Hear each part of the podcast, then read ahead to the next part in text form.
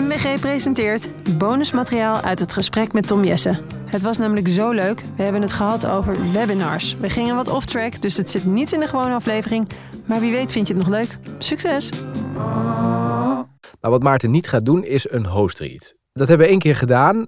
Maarten zei toen wel heel duidelijk, ik ga het niet doen. Want hij zegt, dat wil ik gewoon niet. Ik vertel wat ik wil vertellen, dit ga ik niet vertellen. Toen heb ik het gedaan. Dat was al geen goede keuze. Het effect is het grootst als hij het doet. Maar hij zegt, mijn imago is vooral ook tegen dingetjes aanschoppen. Mhm. Dus op het moment dat ik natuurlijk een reclame ga maken... krijg je een soort van Jack Spijkerman effect. Van, oké, hij roept wel dit, maar ondertussen zit hij wel reclame te maken. Dus volgens mij is dat een hele goede keuze. Dus wat we af en toe doen is een eh, webinar...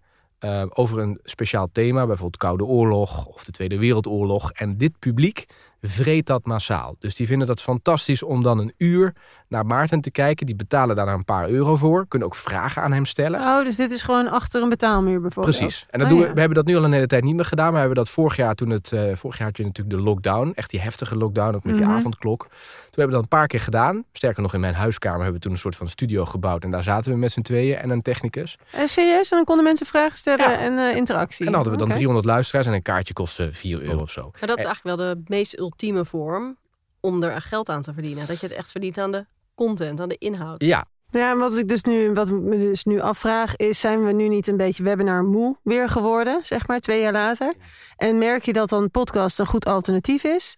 En is podcast een hype of niet? Ja, dat zijn even verschillende vragen in één, eh, in Ja. één stuk hoor. Maar dat sluit allemaal een beetje bij elkaar aan, toch? Ja, ik denk zeker dat er een bepaalde moeheid is op webinargebied. Vooral de standaard saaie webinars. Mhm. En daar bedoel ik mee een paar camera's, geen instarts. Dus dat zijn leuke filmpjes. Een, precies, altijd een tafel. Ehm, eh, lullen, veel te lang lullen. Dus, en, en het ontbreken van een format is daar volgens mij voor heel veel webinars de doodsteek. Want het is gewoon, je zit te kijken naar mensen die gewoon zitten te lullen. Ja. Eh, dus ik denk dat je als je daar wil overleven. En ik, nou goed, wij doen ons best om daar aansprekende dingetjes in te bedenken. Dan moet je echt wel met iets, iets meer komen. Je moet en een goede studio hebben. Je moet een leuk format hebben. Je moet ook iets te vertellen hebben. Je marketing moet goed zijn. Dus ik denk dat die vorm, dat die wel blijft voor heel veel bedrijven.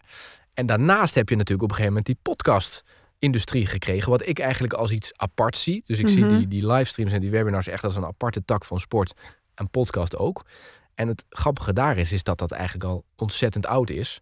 En dat wij in Nederland natuurlijk eh, eh, eh, beschamend laat daar iets mee zijn gaan doen.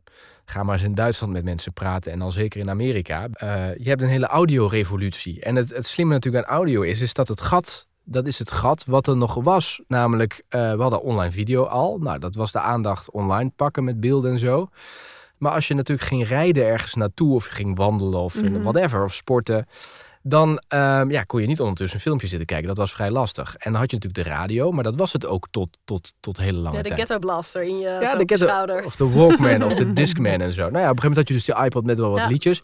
Maar echt content ehm, eh, delen met mensen op dat moment was er nog niet. En daar is natuurlijk podcast ingesprongen. En ik denk dat dat strak, eh, straks toegaat naar praten met, eh, met een apparaat in je huis. Dus ook praten met merken.